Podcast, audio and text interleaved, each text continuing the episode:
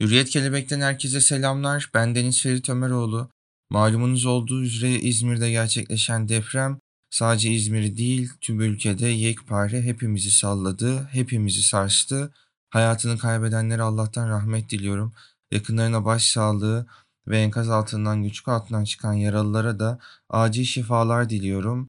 İclal Aydın'la başlayacağız haftanın haberlerine. Nasıl anlatılır, nasıl yazılır bilemiyorum demiş. Tülin Alican Alp Gündüz çiftinin günlerdir müjdeli haber beklenen tüp bebek ikizlerinden Türkiye'yi üzen haber geldi. Ekipler depremin vurduğu Rıza Bey apartmanında son katlara ulaşırken içeride oldukları bilinen Çınar ve Sayra Alp Gündüz'ün cansız bedenlerine önceki gün ulaşıldı. Ebeveynlerinin 5 yıl süren evlat hasreti sonrasında tüp bebek tedavisiyle dünyaya gelen ikiz çocukları Çınar ve Sayra depremde yıkılan Rıza Bey apartmanında birlikte hayata veda etti. Evde ders çalışırken depreme yakalanan ve acı haberleri alınan ikizler için gözyaşları sel oldu. Oyuncu İclal Aydın, kuzeni Tülin'in ikizleri Sayra ve Çınar Alp Gündüz'e böyle veda etti.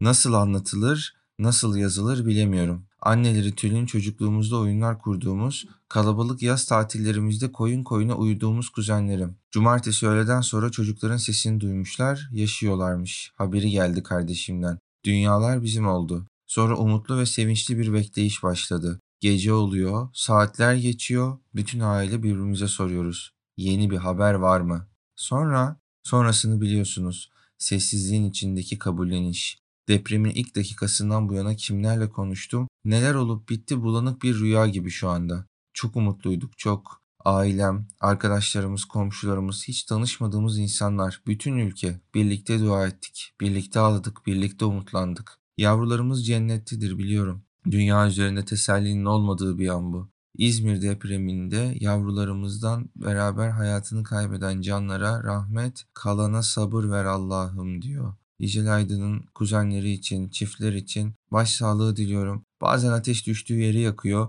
Ateşi hepimiz içimizde hissediyoruz ama en nihayetinde ateş düştüğü yeri yakıyor. Sabırlar diliyorum. Allah'tan rahmet diliyorum. Ünlü isimlerden tepki diyor. Yere batsın Cadılar Bayramınız. İzmir'deki depremin ve koronavirüs salgınına rağmen Cadılar Bayramı partileri düzenleyip eğlenenler ünlü isimlerin de tepkisini çekti diyor. Gülben Ergen ne demiş? Cadılar Bayramı yere batsın. Hayatını yaşayanların paylaşımlarını görmek istemiyorum. Ölüm, hüzün, acı, dram, yokluk, korku, kaygı tek gündemim. İnsanlar hastanede evladını arayan, korona kaygısı yaşayan, benim güzel ülkem yastadır, yasta olmayan, bunu hissedemeyen herkes uzak diyor. Davut Kayda söylemiş. Yasla, kederle geçen saatlerde çılgınca kutladığınız cadı bayramınız için paylaştığınız şen şakrak görüntülerinizi unutmayınız sanırım. Not düşülsün vicdanlara demiş. Elif Karlı, hey cadılar bayramı bizim bayramımız değil ve ben sizin o çok orijinal ve matah hayatınız varmış gibi paylaşımlarınızı Allah affetsin beni ama nefretle bakmak zorunda kalıyorum. Hem yasımız var hem de virüs demiş. Bu tarz durumlarda zor ama bizlerin ignore etmesi gerektiğini düşünüyorum. Görmediğimiz sürece, paylaşımlara etkileşimde bulunmadığımız sürece değerli hale getirmeyeceğiz. Fakat bunu ön plana çıkartan